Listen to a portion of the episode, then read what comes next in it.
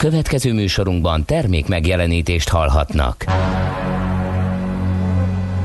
A 90.9 Jazzy bemutatja egy zűrös városban, ahol semmi sem biztos. Csak az adó? Mondom semmi. Ahol a kisbefektetőket senki sem védi meg a tőzsdei kilengésektől, és a sikátorokban leselkedik a kíméletlen hozamgyilkos.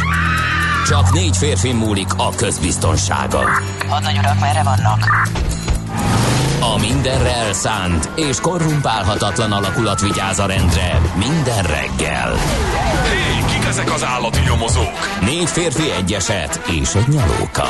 Ács Gábor, Gede Balázs, Kántor Endre és Mihálovics András.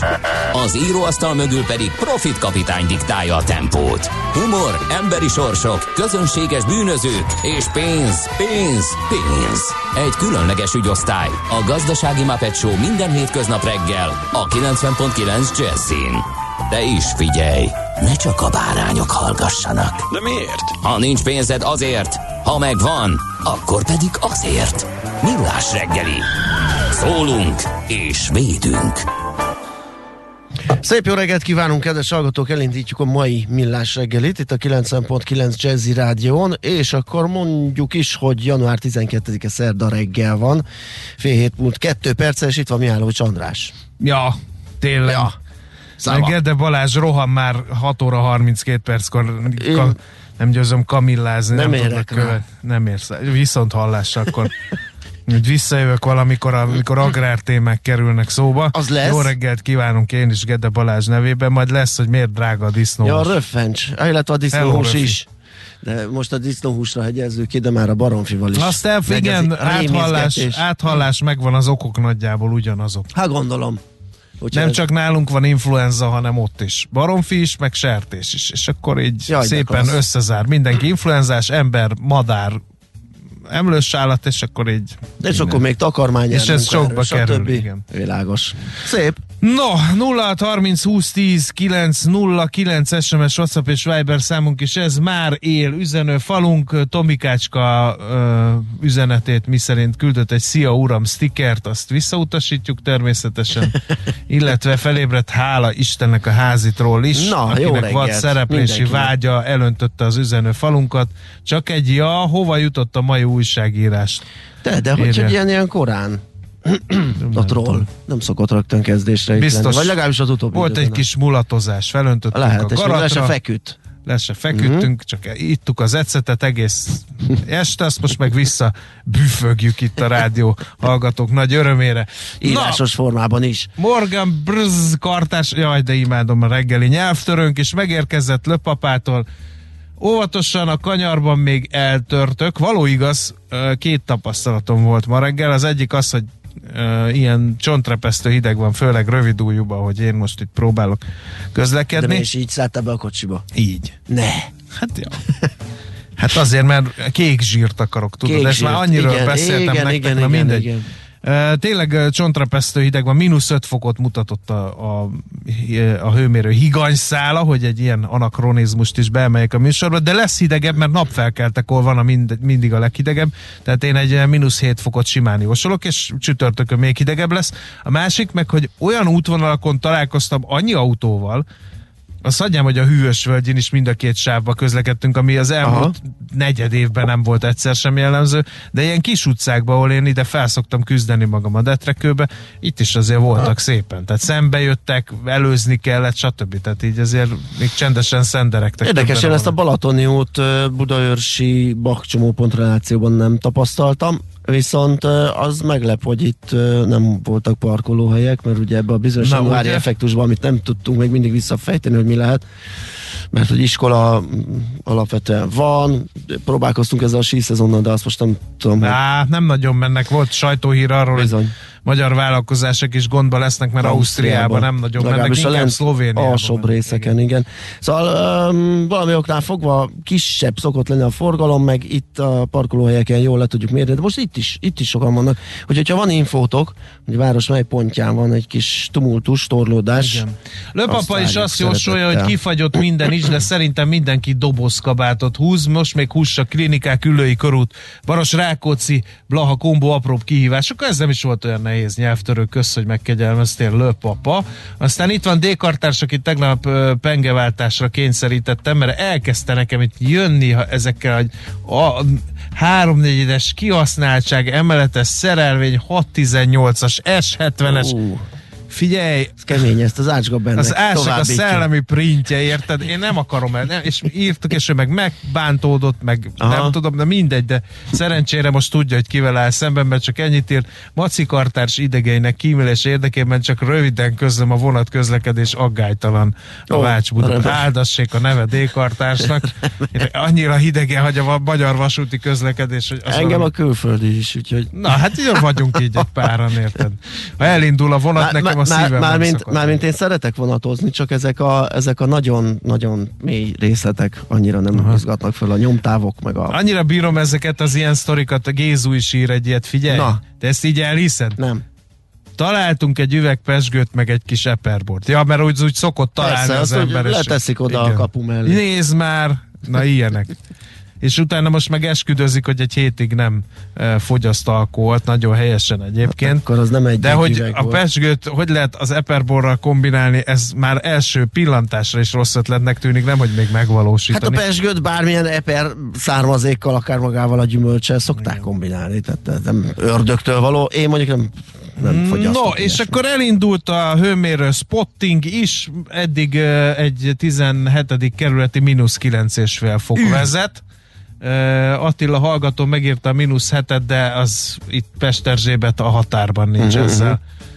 Úgyhogy uh, lehet hőmérő spottingolni is, ha éppen ez szórakoztat benneteket, addig mi tartalmat fogunk Akkor mínusz sugározni. 9 felett kell meg, megugrani esetleg, aki rekordra vágyik. Névnaposokat Nem, megköszöntjük. mínusz 9 és fél. mínusz 9 és fél. mínusz 9,6 fokkal Igen. már nyerő lehet valaki, hogyha ügyes. Igen, igen. Na, e- az Ernőket és a Tatjánákat gratuláljuk meg, nevük napjuk van ma.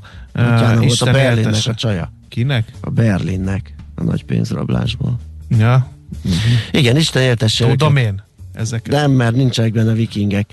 Ö, Isten éltesse őket nagy szeretettel, meg hát ú, négy sorban vannak a névnaposaink, úgyhogy mi, maradjunk, Ne, ne, mindenkit ne, ne. köszöntünk, aki Ne, ma ne, ne, ne, ne. ünnepel. Jó, azokat ne olvassuk fel. Nem. Teljesen talajtalan. No, azt szeretném mondani, hogy emlékezzünk azokra az emberekre, akik a második világháborúban megjárták a Donkanyart, ugyanis ma ez a, a emléknap van, egészen pontosan a második magyar hadsereg emléknapja, amikor is 1943-ban esett meg január 12-én, hogy a Urivnál a szovjet támadás következtében súlyos veszteségeket szenvedett a magyar hadsereg.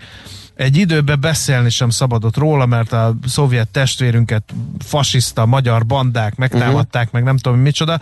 Hát figyelj, nem volt egyszerű a helyzet, ugye ott a németek ragaszkodtak hozzá, hogy mi is vegyünk, hát benyújtották a számlát gyakorlatilag a Bécsi döntésért.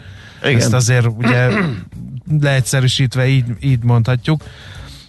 És hát ugye ezért volt 1972-ben óriási bestseller Nemeskürti István Requiem egy hadseregért könyve, amiben először emlékezhettek vissza a túlélők, hogy mi is történt abban az időben a Donkanyarban. Nem lehetett beszélni, és hát 207 ezer embernek lehetett valamiféle élménye a Donkanyarról, annyi magyart vittek ki. Ebből 120 ezer volt a harci létszám, és a többiek munkaszolgálatosok. És hát itt rengeteg, rengeteg, minden családban van egy sztori erről. A papírtalpú bakancsról, ami nem papírtalpú volt, csak azért emlegették, Igen. mert újságpapírt tettek szigetelésként a, a bakancs aljába, de valóban a bakancs az nem biztos, hogy a mínusz 35 fokos or- orosz télben a legjobb megoldás volt, meg hogy nem volt fegyverzetünk, a, a lehetőségeinkhez mérten a legkorszerűbb fegyverekkel küldtek ki, hát nem Hát, hülye ö, Még a magyar 42-ben kormányzat. ugye, de aztán Igen. ott gondolom... És mire már odaértek a Donkanyarhoz, akkor a veszteségeik Igen. voltak, hogy, hogy nagyon megrostálta a magyar hadsereget már a Donkanyarig vezető út is, és hát nem jött meg a téli felszerelés, nem jött meg a nehéz fegyverzet, stb. stb. Ráadásul ugye vékony volt a védelem, nem volt ilyen úgynevezett mélységi védelem, amit az oroszok meg, hát ugye Stalingrádnál tartották a németeket, közben a hátországba gyűjtötték az erőt az ellentámadáshoz, és hát ez zúdult rá többek közt a magyar, az olasz, meg a román katonák által tartott frontra, és hát mi még derekassan helytáltunk, mert az olaszok meg a románok gyakorlatilag harc nélkül futottak el, mikor megjelentek a, az oroszok, és hát ugye nem tudom, a Hitler szalonna, mint kifejezés Hogy neked, mint gasztronom. ne? Na hát ez ott lett Hitler Persze. szalonna. Amikor a párom elküld sütőlekvárére, akkor mindig, Na hát ez ilyen mi, tömbösített, mindig annak neveze. És hát mindig mondják, hogy, hogy hát ott azért a magyar katonák ugye szalonda kolbász Ja. kombóra voltak berendezkedve, ehhez képest sóseringet meg Hitler szalonnát kaptak annak idején, úgyhogy az ellátásról meg ennyit, és hát ugye nagy kérdés az a bizonyos hatparancs Jányi Gusztávra, ami magyar hat katonák elvesztették a becsületeket, valami ilyesmit ír, ha jól emlékszem. Hát figyelj, ott, ott nem lettem volna hadvezér. Ez a kitartani és az utolsó emberig elveszni úgy, hogy egy reménytelen harcot vívsz, vagy visszavonulni, és akkor meg otthon kapsz, hogy megfutottál. Hát szóval azért sem volt mindig- jó hadvezérnek lenni, hogy Ömer Jányi is gyakorlatilag abszolút a németek uh, Hát háborús, Tehát- bűnö, háborús bűnösként ugye őt kivégezték, tehát Igen. biztos, hogy volt valami bűne ebben, de hát szerintem ő ott összezavarodott egy kicsit. Igen. No, ez a, ez a biztos, hogy azok az emberek, akik ott vesztették életüket, szerintem nem azzal foglalkoztak, hogy fasizmus, vagy kommunizmus, Szovjetunió, vagy Magyarország, hanem mentek, aztán áldozatul es- estek egy nagyon rossz politikai döntésnek, és szerintem teljesen mindegy, hogy hogy miért hozták ezt az áldozatot, emlékezzünk rá, elég, rájuk elég sokan voltak ma a második Magyar Hadsereg emléknapján legalább. Igen, jött egy, jött egy hajnal négykor mért Budajenős mínusz 10 fok. Az Ö, nem érvényes, mert 642 van. Igen, Én meg de erről csak éjjel az, egykor láttam egyszer, hogy mínusz 12 fok volt. igen, erről csak az jutott eszembe, hogy ott a Donkanyarban második magyar hadsereg ezzel kiegyezett volna, azt hiszem, mert ott a Ja, ha 30, mínusz 40 35 fokok, fok volt. Igen, igen. röpködtek a mínuszban. Én egyszer voltam, nem tudom mennyibe, de hogy Én nem egyszer mínusz 22-ben az egy tátrai helyi, Mhm. helyi csúcs volt, és az már tényleg olyan, hogy hogy fagy a köpés, az izzadság a kesztyűbe. Levettem, a, hogy orrot fújjak, és megfagyott a kesztyű, szóval az már egy ilyen A komolyabb. Szibériában voltam, és ott a lobogó forró vizet levettük a, a Aha. kájháról, és kiöntöttem, a és hó esett Igen. le. Tehát, hogy, Igen. Uh, és az a, az a harap, tehát így kilépsz, és ez a, veszel egy mély lélegzetet, és olyan, mint hogyha valami marná a Igen, légcsővedet. igen, igen. Nagyon kemény, és ez biztos nem mínusz 35 fok volt, mert a helyiek nem fáztak, tehát rajtuk nem volt kabát. Ebből gondolom, hogy az még ilyen enyhébb tünet volt. Na, még néhány dolgot elevenítsünk fel, például a Port-au-Prince-i földrengés több százezer áldozata volt 2010-ben Haiti fővárosában egy földrengésnek, január 12-én, és 56-ban nekünk is megvolt a magyar földrengésünk, mert hogy 5,6 erősségű pusztító földrengés volt Dunaharaszti térségében 1956-ban. Születésnaposainkkal ö, igyekezzünk megemlékezni. 1876-ban egyik kedvenc írom Jack London, aki mindent kipróbált. Volt halász, meg igen. munkás, meg aranyásó, meg minden. Nagyon jó regényeket írt. Hirtelen nem is tudnám kiemelni. Egy időben nagyon ment az é- a éneklő kutya, de nekem nem az a kedvencem. Egyébként azt hiszem a, nekem az Északi Odüsszeja nevű ilyen novella gyűjteménye, Aha. vagy nem tudom mi a, azon szocializálódtam, úgyhogy azt meleg szívvel ajánlom mindenkinek a figyelmébe, aki most borzong a mínusz 5 fokba egyébként. Alaszkába is hidegebb Ezt- van, mint igen. mínusz 5 fok, ezt garantálom. Molnár Ferenc író, drámaíró 1878-ban született, emlékezzünk rá is, mind, ki ne ismerné a nevét. Aztán Török Ádám, Máté Péter díjas magyar énekes, fuvolista, dalszövegíró, a mini frontembere. Jó egészséget kívánunk 1948-ban született, és január 12-én, tehát ő is ma ünnepli a születésnapját. Aztán 1951-es Kirstie Alley, amerikai színésznő, csak kibeszél sorozatnak a, a sztárja. Nagyon régen hallottunk felőle, őt is köszöntjük, illetve Bak Szilvia, magyar színésznő, humorista, parodista, énekes, író és születésnapot ünnepelő 1961. január 12-én született. Na, akkor még egyszer gyorsan egy elérhetőség 0630 20 10 909 SMS, WhatsApp és Viber üzenet formájában is lehet nekünk írni. Zenélünk egyet, aztán lapszemlézünk.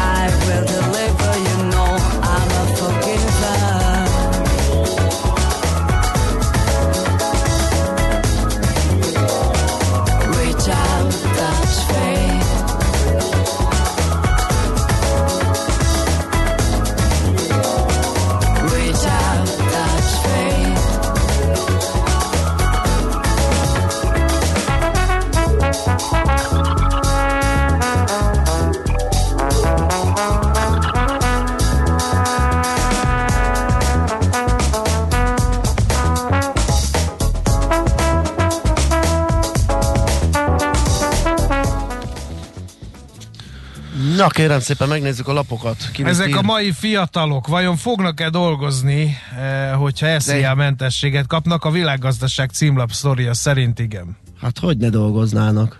Nem szeretnek ezek semmit se csinálni, csak álmodoznak. Influencer akar lenni mindegyik. Mondhatnók, ha mi lennénk a morgó öreg emberek a Muppet Show-ból a karzaton, de, De nem, nem. vagyunk. Úgyhogy ehelyett idézzük a világgazdaságot. A teljes mun- lakosság munkanélküliségi rátát tekintve a magyar adat a hatodik legkedvezőbb az Európai Unióban. Ám az SZIA mentességgel jó esély mutatkozik arra, hogy a 25 éven aluliak rangsorában is sikerül feljebb zárkozni. Mindkét mutató sokat javult az elmúlt bő 10 évben. 2010-ben 12%-os munkanélküliségi rátát mértek, a magyar fiatalok pedig, pedig a negyedét regisztrálták munkanélküliket. A legfrissebb statisztikai adatok szerint a 27 évvel aluliak mutatója is sokkal kedvezőbb, de még nem érte el a teljes lakosságát, 12,4% a munkanélküliségi ráta ebben a korosztályban írja tehát a világgazdaság. Akkor Aztán... itt várjál, hogyha már ilyen munkaügyi ö, témával jöttél, akkor a portfolio.hu-ra is érdemes rápillantani, mert ott pedig ö, a felvágod, felvágós kollégák, akik a túlóráikkal menőznek, ez adta az apropóját, hogy készüljön egy cikk arról, hogy vajon jó-e az, hogyha sokat túlórázik egy munkatárs, és itt nyilván nem csak az egészségügyi hatásait, hanem például a saját és a cége teljesítményének a hatásait is vizsgálja a cikk, vagyis a kevesebb, néha több. Hogyha nincs széthajtva a dolgozó, akkor koncentráltabban és eredményesebben tud dolgozni, körülbelül ez, és ennek a részletei olvasható itt a portfolio.hu-n. A legnagyobb közéleti hír pedig minden esetre az, hogy megvolt a 2022-es választás időpontja, Ádár János köztársasági elnök adott ki közleményt, amely szerint a választók idén április harmadikán járulhatnak urnákhoz, és adhatják le a voksukat, ez is minden sajtótermékben szerepel. Viszont még maradnék a világgazdaságnál, 7 éves rekordra ugrott a 10 éves magyar államkötvény hozama, ezzel évi 5%-ot tehetnek zsebre azok az intézmények, amelyek fantáziát látnak a magyar államadosság finanszírozásába. Ez már csak nem a MÁ plusznak a szintje, és egyébként a lakossági megtakarítóknak is érdemes nézni a sima állampapírokat, tehát nem a prémiumot, meg a MÁP pluszt, meg a szuper állampapírt, meg az összeset, hanem egyre több hosszú lejáratú, fix kamatozású államkötvény hozama is felkúszik 5% közelébe. Ugye sokáig a lakosságnak nem nagyon volt érdemes a piaci Igen. alapú kötvényeket nézegetni, mert olyan prémiumot kaptak, pont azért, ugye, hogy ők az állampapírpiacra lépjenek, és növeljék az ottani megtakarításaikat, de most, ahogy te is mondod, ugye itt a kamatemelési sorozat, az infláció azt szépen húzza fölfelé a, ezeket a hozamokat is, úgyhogy érdemes nézegetni, vagy érdeklődni a bankunknál, broker cégeinknél, hogy tudnak-e ilyet szerezni. Aztán Magyar Nemzet címlapján Cirkusz Művészeti Központ épül Budapesten. Egyébként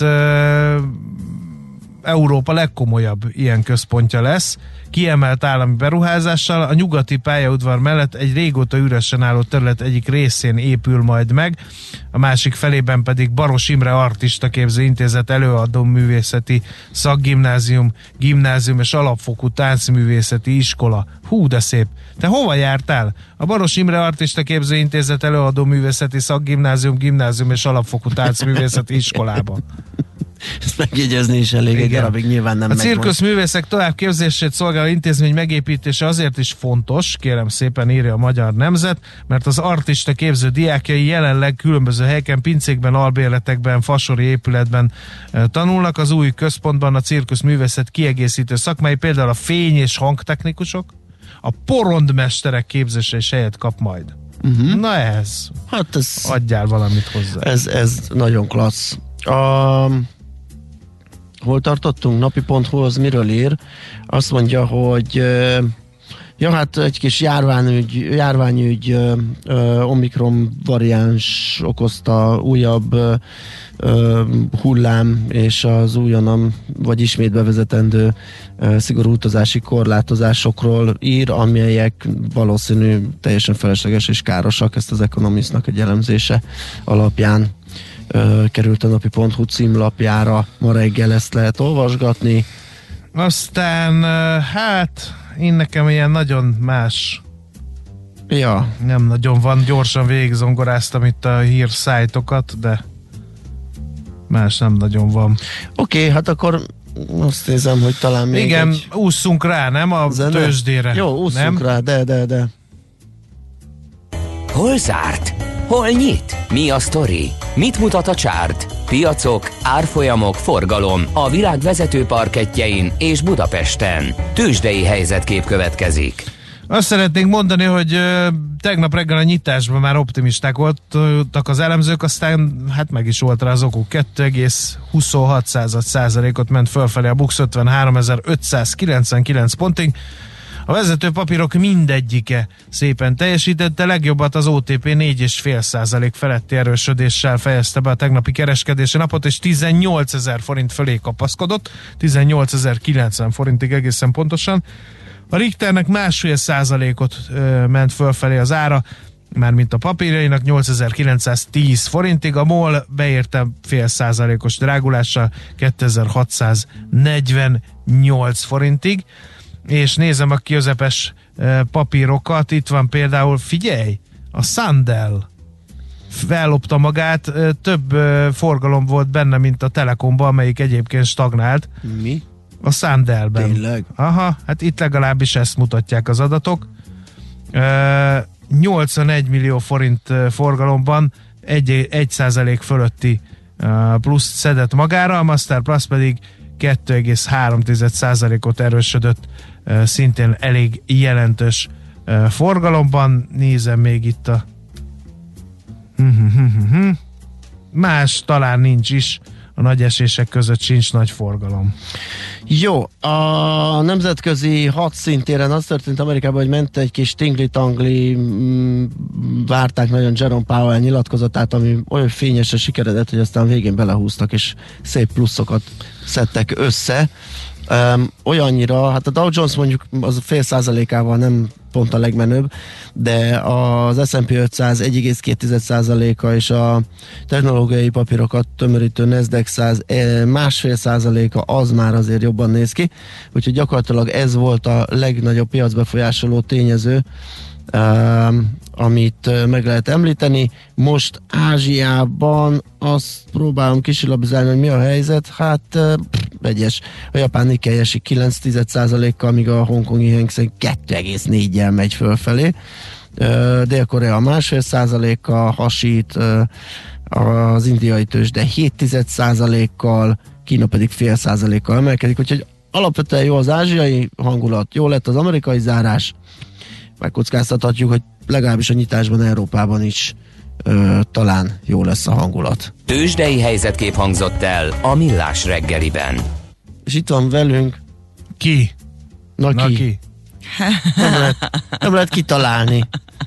Te ezt miért csinálod magaddal? Gondoltam, hogy ma gangsternek öltözöm. Nagyon gangsteres, Szoller Andi bejött a stúdióba, és egy ilyen Ja, man! Narancsárga a hoodie és egy Simonsba éppen csak a szeme látszik ki. Úgyhogy... Ilyen lesz a híreknek a hangulata is, mert akkor hazamegyek. Semmi baj nem lesz a hírekkel. Ezben biztos voltam, csak valamiről beszélgetni próbálok veled reggel hat óta a mérsékelt sikerrel. Uh, igen. De hogy milyen küzdelmeitek vannak Czoller Andival, amikor az ácsnak kellett settenkednie, mert nem, nem is tudom, az, azt gondolta, hogy más gondolt? Másnak gondolt, vagy mi volt? Ugye? rá, azt gondoltam. Az ácsa? Azt, Vé- hát végre! Hát velem ez soha nem fordulhat elő. Hál' Istennek. Na jó. Most írják hallgatók, hogy hiszen ő Kenny a South Park. Ah, ja, igen, az, az, az, ő az. Tényleg, tényleg, mondom, milyen Látom. ismerős. Látjátok, azoknak tudunk vizuális élményeket is nyújtani, akik videón tekintik meg Igen. a Millás reggeli műsor folyamát, vagy annak legalább egy részét. Úgyhogy gratulálunk. Na, hát Hát akkor köszönöm. Nyugodj meg, a szemetek nem fognak kicsinálni, mert megvédünk. Megvan? Ér- Szemetek nincs. kicsinálták Kenit, nincs ez? Nem, ez a nem, South nem. Parkos Nem, kis Nem, szlogen? sajnos én nekem az nincs meg. Na nem baj, attól függetlenül Fotójad Jó. a fe- feles hírekig, mert kikérdezzük. Czoller, Kenny, Andrea jön tehát. Kenny a híreket. Hír, Kenny, a... Jú. Műsorunkban termék megjelenítést hallhattak. A reggeli rohanásban könnyű szemtől szembe kerülni egy túl szépnek tűnő ajánlattal. Az eredmény krétával körberajzolt tetemes összeg.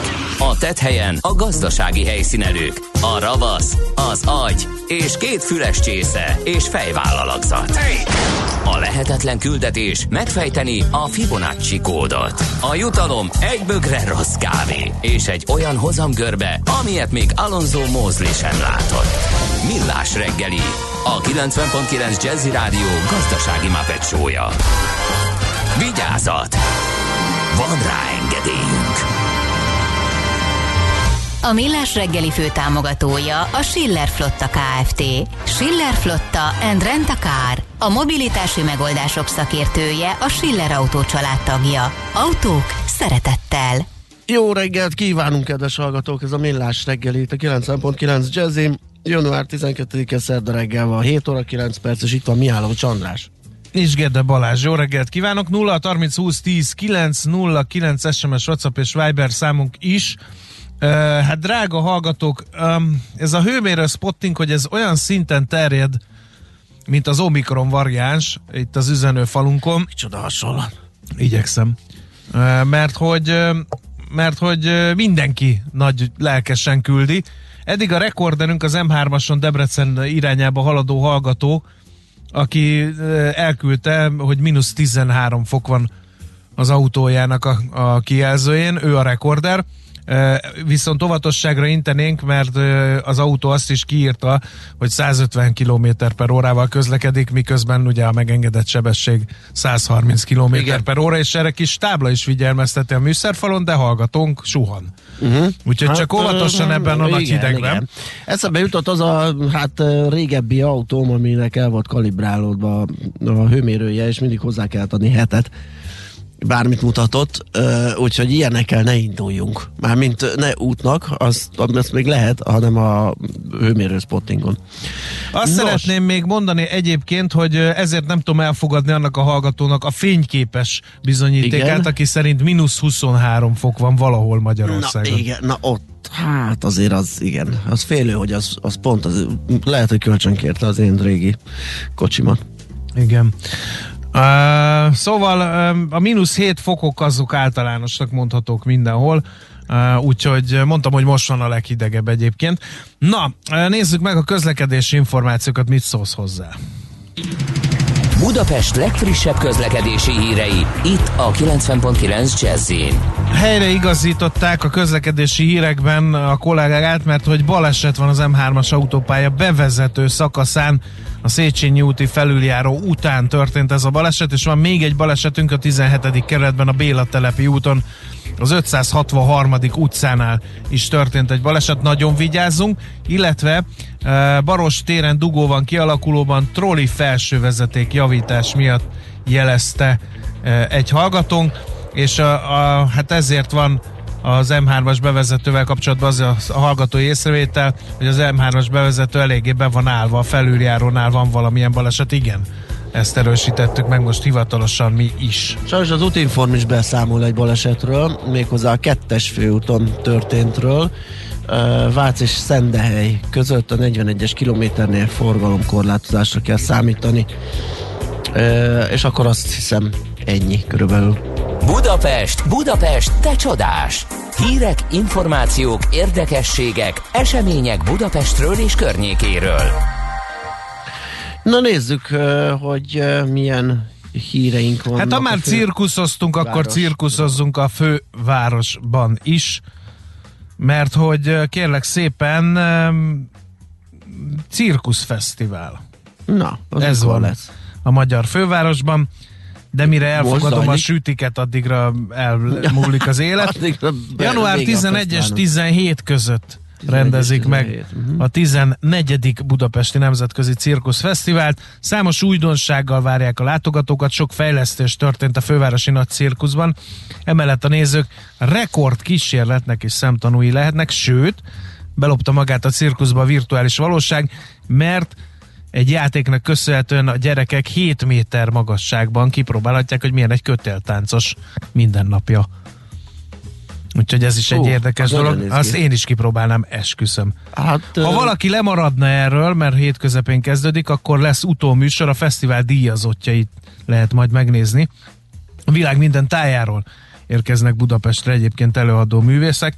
A fővárosi nagycirkusz szakmai igazgatója nyilatkozott, 14 országból jönnek a rendezvényre. A világ 3-5 legjobb fesztiválja között tartják számon a Budapesti Cirkusz Fesztivált, és akkor idén forgószínpad is van ami még látványosabbá teszi az előadásokat, illetve az ember emelő motorokon is fejlesztettek. Én nem is tudtam, hogy van ilyen. Ja, biztos Hát tudod, amikor ilyen furcsán tartja a lábát Igen. a kötéltáncos, és így felrepítik az égbe. Deus Ex Machina. Most különböző gyorsasággal tudnak a levegőbe emelkedni, Óriási, kérlek óriási. szépen, úgyhogy még nagyobb varázsa lesz az élő sónak, és hát díjazzák a, a, a versenyzőket. Ar- Arany, ezüst és bronz Piero díjak vannak, általában két arany, három ezüst és három bronz díjat szoktak kiosztani, és van magyar részvevője és a fesztiválnak, Richter Kevin ugródeszka csoportjának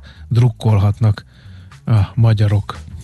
Tehát 11-től Től 17 17-ig. Hát igen, itt gondolom a hétvége az, ami Egyébként egy képzeld el, hogy hosszú idő után voltam cirkuszban, és bevallom őszintén lekötött. Tehát, hogy a, a legtöbb, mint az ember. Tehát tényleg szerintem egy reneszánszot meg előlegezhetünk Aha. a cirkuszművészetnek. Hát én valószínűleg nem fogok eljutni, mert olyan gyerekem már nincs, aki... Menjél el magadtól, de tényleg Én? abszolút felnőtteknek is, tehát nem ilyen... izé- Nem voltam az a cirkuszos sosem. Már Én se. cirkuszolni szoktam, Hát de... én se, én se. Na jó, meglátjuk. Um, ez jó hír volt, hogy van egy ilyen fesztiválunk, rossz hír az, ami a taxis piacon történik. Ugye az sokan megtapasztalhattátok, hogyha Um, jó, lehet szerencséje az embernek, és hív egy taxit, és tényleg ott lesz pár perc múlva, de pont akkor, amikor nagyon kell, tehát amikor, amikor Csúcsidőszak. csúcsidő Mhm. van, és, és más is erre gondol, na olyankor már adódhatnak problémák. Ugye arról már tavaly évvége felé is beszámoltunk, hogy, hogy elég kevés ö, taxis van, megtizedelte őket a járványhelyzet, hát nagyon sokat ö, turistákat fuvaroztak itt a fővárosban, akik most nincsenek olyan nagy számban jelen, úgyhogy visszaadták sokan a, az engedélyüket, és ez a kevés taxis jelenléte gyakorlatilag visszahat a szolgáltatás színvonalára, méghozzá így ugye, hogy nehéz kocsit fogni, öm, de van bajuk azzal is, hogy sofőrhiány is van, ha esetleg akad vállalkozó és sofőr, akkor az a gépkocsi beszerzése, mert ugye ott is elszálltak az árak, úgyhogy azt, hogy mikor rendeződhet vissza a piac, azt nem tudta megmondani még német Zoltán se, a City Taxi fuvarszervező szövetkezet elnöke, aki a növekedés.hu beszélgettek, és és vázolta a taxis helyzetet. Szóval egyelőre nincs jobb bőrben. A taxis piac, Igen. majd várni kell pár évet, mire rendeződik. Nincs jobb bőrben a gigareklámok piaca sem hát, Budapesten, illetve nagyon is jó talán bőrben van. fogják sajnálni. Mert hogy szélmalomharcot vív a második kerületi önkormányzat a műemléki épületeket gigareklám ponyvákkal letakaró a világörökségi panorámába belerondító reklámcégekkel. Az önkormányzat nem érintett lakó is panaszkodott, hogy akarata ellenére takarták le az ablakát, és nem is lát ki rendesen a hirdetéstől. Ez isteni lehet egyébként, teszem hozzá. A hirdetők egy 2023-ig szóló lehetőségre hivatkoznak, a bejelentéseket elbíráló kormányhivatal pedig nem túl bőbeszédű. Egyébként Tencer kollega pennáját dicséri a telex.hu ez a összeállítás. Azt nyilatkozta a lapnak Ősi Gergely, a második kerületi polgármester, hogy ezek az óriás molinok városképi szempontból elfogadhatatlanok, műemléképületek homlokzatait takarják, leütköznek a kerületi rendelettel, ráadásul lakossági panaszt is kaptak amik egyes lakók szerint akarata ellenére feszítettek ablakaik elé hirdetés, és nem látnak ki rendesen. Tencer korega vette a fáradtságot, és végig sétált az érintett szakaszon. 11 darab ilyen uh, óriás reklámot számoltak össze. Uh-huh. Szép. És igen. Úgyhogy ö, van változatos, egy nagyon hosszú cikk, most ne várjátok, hogy itt gyorsan ö, végigfussak rajta, de általában évi 4 milliárdos reklámháló piacról van szó, úgyhogy nem kis összeget kapnak azok, akik el tudják érni, hogy itt ö, ezek a molinok kifeszüljenek. Nos, kérlek szépen, én közben azt uh, tanulmányozgattam itt, hogy uh, Dél-Budán terveznek egy uh, hosszabb Dunaparti sétányt, és annak a nyomvonalát próbáltam itt uh, megnézni, Rekonstruálni. rekonstruálni, igen. A 11. kerület Öböl utcától fog délfelé haladni 3,6 km hosszan. Ez az Öböl utca, ez gyakorlatilag ott a Kopaszigát eh, vége, ott a nyúlványnak a, a, a végéről, a Dürerkert környékéről indul, és onnan ö, egészen le déli irányba, tehát hat- 3,6 kilométer hosszan, az már ott gyakorlatilag nagy tétény ö, környéke, vagy azon is Hát ott igen, szerintem oda a nullásig lehet, hogy, hogy az pont a, az a távolság. Um, Úgyhogy ezek a, ezek a tervek egy új gyalogos, kerékpáros, szabadidős infrastruktúra létrehozása a terv, és ezt a magyar építők tette közzé egy ajánlati felhívás jelent meg a közbeszerzési értesítőben erről. Úgyhogy a sétálni a Galvani utcánál csatlakozik a tervezés alatt álló Dunahíd Budai hídfőtérhez, majd tovább haladva a Keserű ér újabb híddal történő átszelése, után csatlakozik az Árasztó úthoz egészen pontosan. Na hát izgalommal várjuk, közben azt nézem, hogy mi a terv, hogy ez mikorra épülhet ki. Az ajánlatok vagy részvételi kéremek benyújtásának határideje 2022. február 7. Ez még az ajánlat? Ez még az ajánlat. Hát akkor A kiírás alapján nyertes ajánlattevővel létrejövő hossza, meghosszabbított szerződés időtartama 23 hónap, vagyis mintegy két évig vélhetőleg el fog tartani a tervezési fázis. Na És jó, csak azt követően indulhatna el a kiírás. Andó kollega mondta, hogy mindig nagy csinnadrattával a pályázati kiírást, akkor utána mire a tender, meg mire a tervezés, meg a Igen. nem tudom, a megvalósulás 5 év vagy 7. Addigra én már Tehát nem föl mostanában fogsz föl sétálni, ülni egy bringára Igen. addigra. Na jó, majd hát tolunk. az jó lesz. Nekünk a Gellért hegy a Himalája. A Millás reggeli fővárossal és környékével foglalkozó rovata hangzott el. Nézd a Millás reggeli adásait élőben a millásreggeli.hu oldalon. Millás, Millás reggeli, a vizuális rádió műsor. No, hát ugye hőmérő spotting van, az eddigi rekorder egy mínusz 10 Kijevből írt a hallgató, vette a fáradtságot, úgyhogy mínusz 14 fokot írt, úgyhogy egy fokkal megvert az eddigi De ez hiteles- kijevi hőmér, hőmérséklet? Igen, oda van Hát írva jó. Kijev, január 12. szerda. De ez egy telefonképernyő, tehát én is be tudom állítani, hogy akkor most mutassa Igen. meg, hogy milyen... Hány én meg bejelöltem, hogy? Anchorage-ba vagyok, közben itt vezetem a műsort, és mínusz 40 43 fok. Na, mindegy, szóval ez, ez ilyen viccnek, de nem vicces, mert hogy kriptotél jön. Már elkezdtek Hát már riogatni amennyiben. az elemzések. Én meg majd olvastam nagyon optimistát is az idei évre, hát hogy aztán legyen okos ember a talpán, aki ezek között kiigazodik. Most erre teszünk kísérletet Szabó Dáviddal, a Crypto Position Investment Fund portfólió kezelőjével. Szia, jó reggelt! Jó reggelt kívánok! Szevasz, lemaradtunk volna valamiről? Mert olyan gyászba borult a magyar sajtó kriptoügyben, mint régen. Szerintem nem maradtatok le semmiről. Én, hát én több mint tíz éve követtem a, a bitcoin körül folyó eseményeket, és azért az idő nagy részében ez volt a helyzet. Tehát, hogy az elmúlt tíz év nagy részében mindig arról olvastam, hogy na hát, összeomlott, kidurrant, temetik, most Végre itt már az vége. igazság pillanata, mert Így van, egy nagy lufi van. vége van. Szóval szerintem ebből a szempontból semmi új nincs, csak ugye hát valahogy mégiscsak ez alatt az idő alatt a kezdeti 1-2 dollárról most 40 valahány ezernél tartunk, de nem feltétlenül tükrözik ezek a szalagcímek azt, ami valójában történik mondjuk hosszú távon. De rövid távon egyébként való igaz, hogy, hogy egy nagyobb bacska esés, van a, a, a bitcoin házatáján. Nem nagyobb annál, mint ami szokott lenni egyáltalán, de hát ebben a világban nagy a volatilitás. Uh-huh. Ugye, bocsánat, a, a, azért itt van egy ilyen meglepetés faktor, mert sokan az infláció emelkedésével azt gondolták, hogy most már letettünk róla, hogy ez itt a digitális fizetőeszköz, inkább digitális aranyként apostrofálják, tehát egy ilyen megtakarítási funkcióval fölcímkézve, és most mindenki meglepődött, hogy elfelejtett teljesíteni így az infláció emelkedésének fényében, de egyébként az arany is ezt teszi. Így van, az arany is ezt teszi, de azért azt fontos látni, hogy ezek hosszú távú trendek. Tehát, hogy a, a mai világban a spekuláció az egy nagyon-nagyon erőteljes folyamat. Tehát hatalmas tőkártételes pozíciókat építenek fel mindenféle irányba, és ez a spekuláció az nagyon erős volatilitást eredményez, és gyakran elfedi a hátsó fundamentális folyamatokat. Na most persze nem jelenti azt, hogy igazam van, és hogy valójában a bitcoin az tényleg egyfajta digitális arany, de én azt gondolom, hogy ez egyáltalán nem lett megcáfolva, és hogyha megnézzük azt, hogy mi volt mondjuk egy év az inflációs várakozás, és mi ma az inflációs várakozás, és hol, hol volt a bitcoin árfolyama, most meg régebben, akkor azt láthatjuk, hogy ezt a funkcióját mintha kezdené betölteni. Uh-huh. A kincstári optimizmusodat mi táplálja egyébként?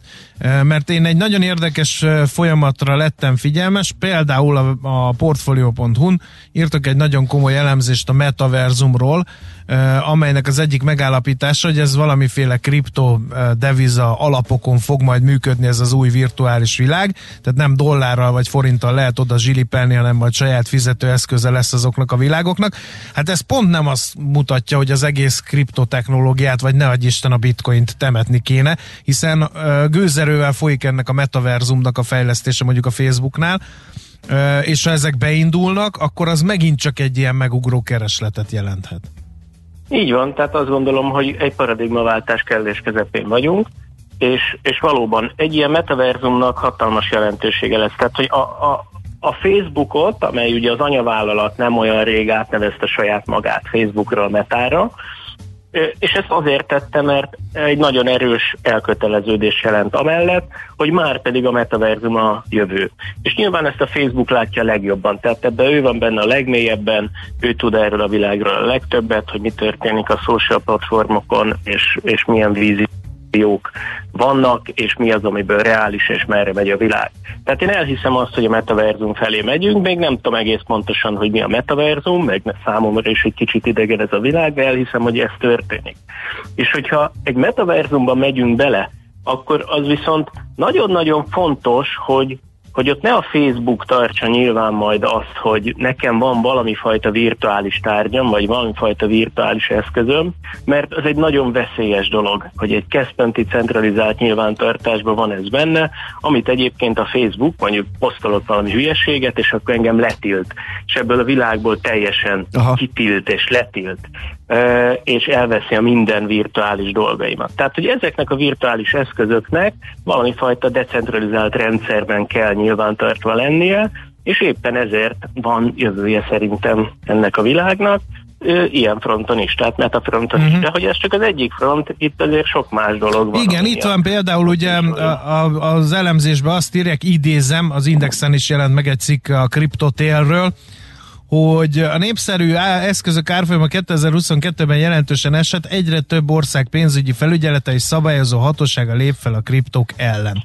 Ezzel Igen. kapcsolatban meg az jutott eszembe, hogy ez eddig is volt. Tehát vegyes a megítélése a hatóságoknak és a különböző országoknak a kriptó. Igen, azért, tehát azért azt hozzátenném, hogy az évelei esés az nem kifejezetten kriptospecifikus. Tehát, hogy a részvénypiacok meginoktak az év elején, és ezzel egyetemben esett a, a kriptó is, aminek egyébként a, a, a fundamentális oka az, hogy Amerikában most már megijedtek az inflációtól, vissza fogják vágni a pénznyomtatást, és ebben az évben egyébként három kamatemelést áraznak. És ez nagyon erősen tükröződik a tíz éves amerikai államkötvénynek az árfolyamán. A tíz éves amerikai államkötvény hozama az, az egy nagyot emelkedett e, e, az év elején, ez tipikusan rosszat szokott tenni a tőzsdéknek, hiszen valami fajta alte, befektetési alternatíva lép fel, most már lehet keresni pénzt a tíz éves amerikai kötvényen is vagy több pénzt lehet keresni. A szabályozó hatóságokkal kapcsolatban pedig hát én szerintem semmi új nem született, tehát hogy folyik egy, egy regulációs folyamat, itt ennek vannak különböző lépései, és ennek a vége az az lesz, hogy valamilyen formában a scriptől szabályozva lesz. Most nincsen. Vagy csak olyan félig meddig van. Tehát ez tök jó lenne már, hogyha kripto szabályozva lenne, egyértelműek lennének a szabályok. Egy csomó intézményi befektetőt jelenleg azt tart vissza a kripto befektetéstől, de nem tudja egész pontosan, mm. hogy amik a szabályok a kripto körül. E, ezek a környezetvédelmi problémák most elcsendesedtek? Tehát most ez a metaverzumra várakozás, e, hogy meg, meg esetleg más dolgok elvitték a fókuszt a kriptopiacról, mert ugye itt e, volt probléma, és talán a csúcsokról a, a lejtmenet fókuszában is az állt, ugye, hogy hirtelen most itt elkezdtünk aggódni, hogy mennyi áramot fogyaszt a kriptobányászat. Szerintem ez, ez, egy, ez, egy, ez egy élő téma, és ez élő téma lesz. Tehát, hogyha itt megnézzük azt, hogy az elmúlt évek ESG trendjei azok merre fele mutatnak. Azt látjuk, hogy egy nagyon-nagyon erőteljes ESG őrület kezd kialakulni, aminek egyébként semmi értelme nincs, mert gyakorlatilag arra szolgál, hogy zöld mázzal öntsük le a saját gazdaságunkat, úgy tegyünk, minthogyha nagyon zöldek lennénk, pedig hát be kéne látni ugye, hogy a, a zöldítéshez egy úton keresztül tudunk eljutni, úgyhogy kevesebbet fogyasztunk, csak hát az meg senkinek nem lenne jó, de ez most egy mellék téma volt csak. Tehát a, a, a a, a kriptónak az áramfogyasztása. Tehát ott azt láthatjuk, hogy azért a legtöbb kriptó az, az a, a proof of stake felé megy. Rengeteg projekt az proof of stake alapon működik. Ami Ez az energia ezeknek- hatékonyabb megoldás, ugye? van. Tehát ennek nincs nagy áramfelhasználása, aminek nagy áramfelhasználása van, az a bitcoin, illetve az Ethereumnak is elég nagy van, csak hát az Ethereum az idejében át fog térni a proof of stake-re. Tehát, hogy ott ez a probléma szintén meg fog szűnni. Tehát én úgy láttam, hogy a kriptoszféra az reagál erre a, a, a problémára, ami egyébként tehát, hogyha ezt mélyebben megvizsgálnánk, nem biztos, hogy egy probléma, erre most nincs időnk, de valóban az aktuális társadalmi trendek arra mutatnak, hogy hú, ezt nem szeretnénk, bármennyire is jogosan vagy nem jogosan, és a kriptovilág erre reagál valamilyen formában. Oké, okay, akkor gyakorlatilag azt érzem a szavaidból, hogy most rövid távon ugye nehezebb eltalálni, hogy éppen mi, mi a hangulat. Nyilván amikor depresszió van, akkor lefelé vár mindenki, meg kriptótelet, meg nem tudom, amikor meg mánia van, akkor meg jönnek majd a százak. Igen, százak, de hát ezrek. ezek a kriptotelek meg arra jók, hogyha valaki esetleg fantáziát lát benne, és úgy gondolja, hogy ő megpróbálja megjátszani, akkor remek beszálló lehet, nem?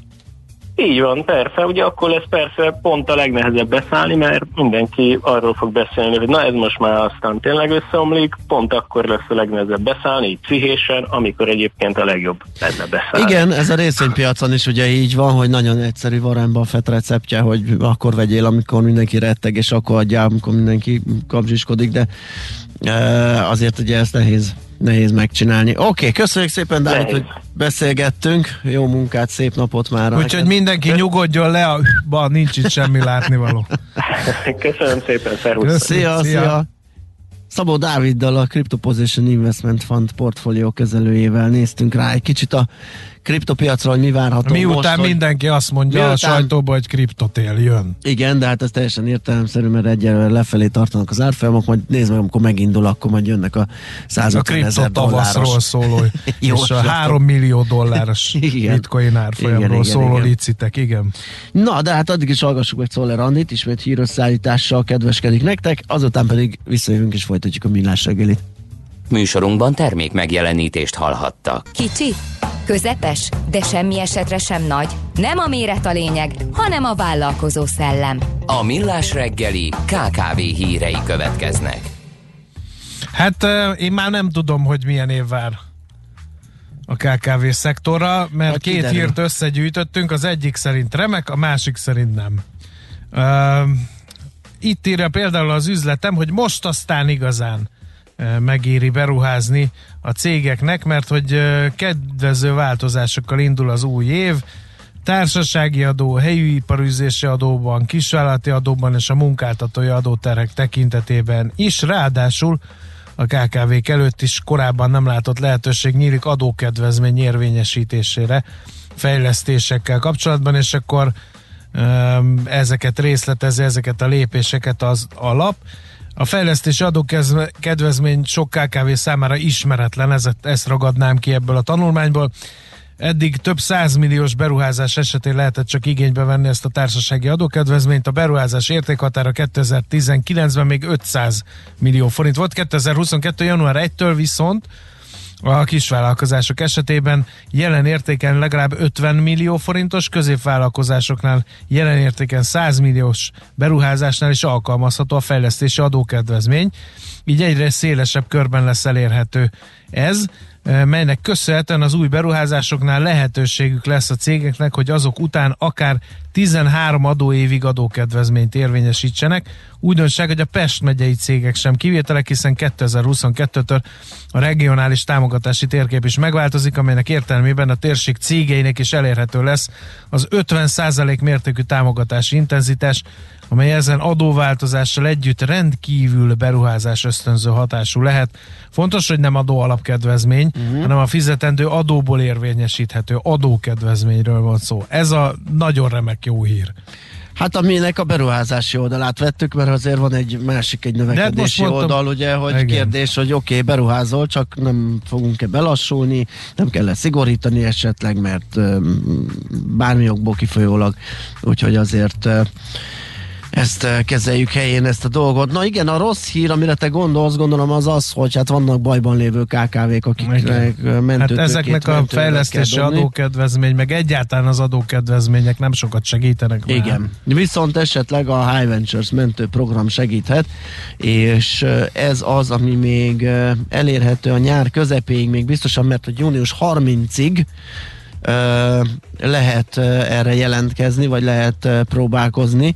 Ugye ez a tőkepiacon megszokottnál kedvezőbb feltételek mellett biztosíthatják a vállalkozásuk működését ezzel, természetesen, hogyha hogyha sikeresen veszik az akadályokat. A koronavírus válság ugye a cégek tartalékát jelentős mértékben felemésztette, ugye ezen, ezen alapszik ez a, ez a mentőakció, és ezt a tőkehiányos állapotot próbálja ez a konstrukció orvosolni. Van ez a High Ventures KKV Pro például, ami kifejezetten erre a célra szolgál, hosszú, akár 7 éves futamidejű öm, tőkepótlást is lehet ö, így szerezni, és ugye az a modell, Erről beszélgettünk is a High Ventures képviselőivel itt, amikor megjelent ez a program, hogy egy 1%-os tulajdonrészt vesz a kockázati tőketársaság, tehát nem akar rátelepedni a cégre, meg, meg egy nagy befolyást szerezni, és akkor ö, ö, tulajdonosi hitel formájában biztosítja a többit, és erre kér egy fix ö, százalékos mm, hozamot, és azt kell majd me- megfizetni a futamidő alatt, tehát körülbelül így néz ki a konstrukció, és a lényeg az, hogy ez még itt az első fél évben június 30-ig biztosan kérhető, az, hogy lesz ennek hosszabbítása, vagy, vagy nem, azt ugye nem lehet tudni, úgyhogy ez a fél év a tuti amikor még fel lehet ezt használni, illetve hát lehet igényelni, hát aztán ugye van egy-két kritérium, ami alapján majd elbírálják, hogy megkapja-e az adott vállalkozás. Veszel-e? Eladod-e? Kanapéról-e? Irodából-e? Mobilról-e? Laptopról-e? Kényelmesen, biztonságosan, rengeteg ajánlat közül válogatva, időspórolva, ugye-e, hogy jó? Mert ott van a mágikus E. E-Business. A millás reggeli elkereskedelmi rovata, ahol mindenki számára kiderül, hogy online miért jó üzletelni. Na hát egy kicsit az online kereskedelem Árnyoldala. árnyoldalait, sötétebb bugyrait fogjuk megvizsgálni még hozzá azokat a trükköket, amivel esetleg operálnak a kereskedők, illetve hát nem csak a kereskedők, mert itt még az influencereket is előveszük egy új Európai Bizottság által közzétett közlemény kapcsán és próbáljuk majd tisztázni a részleteket. Kocsis. Iránymutatás, nem közlemény. Vigyázz, minden szónak jelentőség. Igen, ezt meg akarom kérdezni, de egyébként közlemény, és több Közlemény? helyen közlemény, és azért akarom ennek a súlyát, azzal akarnánk kezdeni. Kismárton ügyvéd úr van itt velünk, a Cerha Hempel Dezső és társai ügyvédiroda versenyjogi csoportvezetője, hogy tisztázzunk egy-két kifejezést ebből a ö, szövegből. Jó reggelt, szervusz! Jó reggelt, sziasztok, és üdvözlöm a kedves hallgatókat én is. Na hát... ö, Kicsit ilyen Star Wars-os hangulatúra sikeredett ez az iránymutatás vagy közlemény, mert sötét mintázatokról meg megszégyenítésről van benne szó. E, De mi ez akkor? Közlemény, iránymutatás, És ha közlemény, jogszabály, akkor mit át kell kell- venni, igen. nem mikorra, kinek, egy csomó kérdés merül fel. igen, egyébként ezek nagyon fontos kérdések, e, és hogy a történet végén kiminősül a sötét nagyúrnak, azt szerintem döntse el mindenki maga a, a beszélgetés végén. Közlemény, közleményt adott ki a, az Európai Bizottság, egy 2008-as e, irányelvel kapcsolatos közleményt, ez az úgynevezett Unfair Commercial Practices irányelv, uh-huh. vagyis a tisztességtelen kereskedelmi gyakorlatok tilalmáról szóló uh, uniós irányelv, amely minden tagállamba átvettek még 2008-ban. Uh, Ugyanakkor azt tudjuk, hogy 2008-ban ez a sok E még nem volt olyan szinten része az életünknek, mint ahogyan most. Ö, Azóta azért az üzletek nagy része is az internetre költözött, és amit akkor szabályoztak a bölcs jogalkotók, az ö, a mai napon már nem feltétlenül állja meg a helyét a reklámjoggal és a fogyasztóvédelemmel kapcsolatban. Ezért kellett ezt az egyébként már korábban is létező iránymutatást immár közlemény formában kiadni, hogyha így tehetek mind a kettőtök között igazságot. Tehát Most a bizottság egy közleményt adott ki, amivel kapcsolatban viszont az nagyon fontos szerintem hangsúlyozni, hogy ez nem egy jogszabály, hanem csak bemutatja egyrészt az uniós bíróságok esetjogát Aha. a témával kapcsolatban, másrészt pedig orientálja a tagállami hatóságokat, így Magyarországon a GVH-t, eh, aki alkalmazza ezt a jogszabályt, hogy az online térben bizonyos tisztességtelen kereskedelmi gyakorlatokat a bizottság szerint hogyan kell értelmezni. Ez még a bírósági ö, próbát nem feltétlenül állta ki, tehát egy soft law jellegű dokumentumról beszélünk. Uh-huh. Világos, azzal együtt elég sok minden téren ö, próbál ugye ilyen iránymutatást adni, például kezdve azzal, hogy ez a fogyasztói ügyleti döntés ennek a kiterjesztése meddig tart, tehát mi minősíthető annak? Igen, hát uh, itt most nekem diplomatikusan kell nyilván fogalmazni, mert ez egy örök vita az ügyvédek és a hatóságok Aha. között, hogy mi minősül ügyleti döntésnek. Miért fontos ez a fogalom? Azért fontos, hogy mi számít ügyleti döntésnek, mert a jog azt mondja, hogy egy kereskedelmi gyakorlat akkor minősül tisztességtelennek, tehát akkor tilos, hogyha ez a fogyasztó ügyleti döntését befolyásolja. Az ügyleti döntést egy kicsit leegyszerűsítve talán úgy lehetne körülírni, hogy a fogyasztó egy reklám vagy más kereskedelmi gyakorlat, mert azért nem csak a reklámokról, hanem annál egy tágabb körről beszélünk, ennek hatására olyat tesz, amit ennek hiányában egyébként nem tett volna meg. Az új közlemény azt mondja, hogy egy kereskedelmi gyakorlat hatására például egy internetes oldalra, egy webáruházra kattintani már önmagában fogyasztói ügyleti döntés. Mi azt gondoljuk, hogy ez talán egy kicsit szigorú megközelítés, mert azt például nem veszi figyelembe, hogy a fogyasztó ugyanolyan könnyen, mint ahogyan tette, akár egy másodperc alatt is átmehet egy másik webáruházba nincsen 300ért az, amit hirdettél, azonnal kattintok és váltok. Nem beszélve arról, hogy lehet, hogy nem is csak a kereskedelmi oldal érdekel, hanem valami paramétere egy terméknek mondjuk, amit ott találok. És akkor még nem beszéltünk az árösszehasonlító oldalakról, amiről mi azt gondoljuk, hogy nagyon elterjedtek, és a fogyasztók most már nagyon tudatosan használják az online vásárlásaik során. Um, de uh, nyilván az internetes kereskedők mindent megtesznek, hogy ezeket az ügyleti döntéseket mi meghozzuk és akkor ezen a területen rendet tesz-e ez az iránymutatás, például ezek a sötét mintázatok, már meg megszégyenítés, meg influencerek ezeket végül valamilyen szinten helyre rakja? Hogyha maradhatunk a Star Wars-os hasonlatnál, akkor, akkor azt mondanám, hogy a, a sötét mintázat, vagy a dark pattern, ahogy eh, hivatkozik rá a szakirodalom, az kicsit olyan, mint az erő a Star Wars filmekben, mm. hogy mindenki beszél róla, de senki se látta, senki se tudja, hogy pontosan mi az. A sötét mintázatokat úgy szokás megfogalmazni, hogy eh, azok olyan, eh, olyan eh, körülmények egy weblap vagy egy webáruház felépítésekor, amik pszichológiailag manipulálják a fogyasztókat annak érdekében, hogy a pénzüket az adott kereskedőnél költsék el. Mondok néhány egyszerű példát, mert így lehet, hogy könnyen megérteni. Például, amikor a vásárlás gomb nagy és zöld, és a mégsem kérem gomb pedig valahol a bal alsó sarokban kicsi és piros. Ezt lehet talán a legegyszerűbben sötét mintázatnak nevezni, vagy hogyha például egy consent, úgynevezett consent boxban, tehát amikor hozzájárulsz ahhoz, hogy az adataidat kezelje, vagy valami más dolgot tegyél, a kereskedőnek kedvező és a fogyasztónak kedvezőtlen válaszok már előre be vannak pipálva.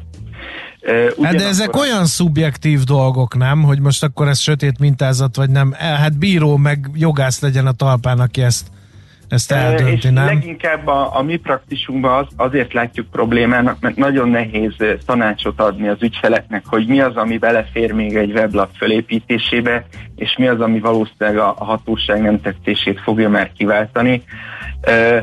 Segít az új közleménye a bizottságnak, értelemszerűen mondom sem kell, hogy mi ügyvédek úgy gondoljuk, hogy egy picit talán túl szigorú, ugyanakkor a sötét mintázatok kapcsán azt azért fontos kiemelni, hogy ugyan a hatóságok egyre inkább előszeretettel hivatkoznak rá, de emögött még valós viselkedés közgazdaság tudományi vagy más stat, statisztikai bizonyítékok, tanulmányok nem igen állnak, úgyhogy itt vélhetőleg a bíróságoknak kell majd az esetjogot kialakítani, hogy mi az, ami még belefér, és mi az, ami már nem. Nagyon rohan az idő, vegyünk még néhány emblematikus mondását végig. Vásárló megszégyenítése. Mi számít megszégyenítésnek az online térben? Uh, András, szereted a pandákat? Eh, Perkeltjük, igen, finom. Igen. Szeretné ön megmenteni adományával Aha. a pandákat? Ja, Igen. értem. Minden. Kettő, nem, a pandák rusnyakoszos állatok. Aha, aha, aha. És Megszégyeníti a életképtelen. fogyasztót azért, hogy tegyen valamit. Aha. Ne kelljen bevallania, hogy nem szereti a pandákat, amit mindenki szeret. Igen. Akár pörköltbe, akár megmenteni. Ezekkel az influencerekkel kezd valamit ez a jogszabály? Mert ugye az elharapozott és a GVH-t emlegetted, a GVH döntéseiből is ki lehet olvasni, hogy csinálnak olyan cégek, hogy megfizetnek egy influencert, aki azt mondja egy cég termékéről szolgáltatásra, hogy jaj, de jó, jaj, de szép, csak nem mondja, hogy az reklám. Ez is egy Hát ez jelenség az internetes Ez most már értékesítésben. büntetendő, úgyhogy most már csak mondja, de önmagába véve ez a gyakorlat, ez hogy illeszkedik ebbe? A GVH, meg kell dicsérjük a, a magyar hatóságot, előtte járt a bizottságnak, Aha. és ezt már sokkal korábban kiadott egy hasonló tartalmú iránymutatást. Ezt veszi most át a, a bizottság is. Talán annyiban újdonság a, az influencer szabályozás, hogy az is egyértelműen kimondásra kerül, hogy mostantól kezdve már a kéretlen ajándék ért cserébe való posztolás, influencerkedés, véleményvezérkedés is ö, reklámnak és fizetett hirdetésnek minősül. Ezt az influencernek minden esetben nagyon jól láthatóan és hangsúlyosan meg kell jeleníteni a szociális médiába kirakott posztjaiban. Uh-huh. Mi a helyzet a röghözkötéssel? Ugye digitális középkor a jobbágyok nem költözkedhetnek csak úgy ezek szerint, ha a bizottság is fontosnak látta ezt a területet szabályozni. kivéve ugye a Földes úr engedélyével. Ö, azt gondolom, hogy itt nagyon előremutató a közlemény a, a, az előző vitás kérdésekkel szemben. Vegyük szerintem azt a legegyszerűbb példát, hogy veszel egy új autót, a kereskedő rábeszél, hogy az, ez a márka, ez a legjobb választás, amit csak el lehet érni. Ugyanakkor azt a vásárlási folyamat során elhallgatja előled, hogy ő bizony minden országban egyetlen egy szervízt uh, hitelesít és engedélyezi, hogy ezt a bizonyos márkát szervizelje, ezt ugye sok módon el tudja érni. Aha. Ez a, az autókereskedő téged röghöz kötött. Ez most nem egy digitális példa, de hogyha az egyik almalogójú telefonról szeretnél a nagy másik operációs rendszert használó telefonmárkák egyikére váltani, vagy fordítva, és előre nem tájékoztatnak, hogy ez milyen nehézségekbe fog ütközni. Például az adataidat átviheted-e vagy sem, illetve hogyha ezek a márkák agresszív üzenetekkel e, próbálják megakadályozni, hogy te egy másik szolgáltatóhoz regisztráljál, ez is a röghözkötésnek az egyik formája, ami mostantól tilos, és még nagyon fontos szabály szerintem, hogy a digitális eszközök gyártóinak, forgalmazóinak mostantól előre tájékoztatniuk kell a fogyasztókat arról, hogy az eszköz, amit vásárolni terveznek, az milyen más eszközökkel lesz kompatibilis, vagy éppen nem. Aha, ez is egy fontos. Hát előbb-utóbb csak rend lesz itt. A midiklóriánokról nem beszéltünk, de arról Igen, majd később igen, fogunk, igen, hogy szabályozza a bizottság, hogy kinek a vérében mennyi midiklórián lehet. Várom ezt a közleményt a bizottság. Oké, beszámolunk akkor Nem róla. ígérjük, hogy akkor beszélünk veled legközelebb, hogyha ez a közlemény megjelenik, jó? Mindenképpen. Köszönjük Köszi szépen! szépen, szép napot, szia! Köszönöm, szervusztok! Dr. Kocsis Márton ügyvéddel, a Cerha Hempel Dezső és társai ügyvédi iroda versenyjogi csoportvezetőjével beszélgettünk. Na, megtaláltad-e? E-Business. A millás reggeli elkereskedelmi rovata hangzott el. E-Business. Üzletei online. Nem tudjuk, hogy Szoller Andrea belegabajodott-e sötét mintázatokba, és röghöz kötötték-e az online térben, mert nem akarnám megszegni a GDPR alapelveit azzal, hogy ezeket az Ja, érzékeny adatokat begyűjtjük róla, úgyhogy csak szeretettel hallgassuk a híreit, annál is inkább, mert úgy elvesztette a fonalat, hogy olyan értetlenül néz Még a rám. kapucniát is levette pedig. Igen, hogy Igen. jobban halljon. Jobban Igen. halljon.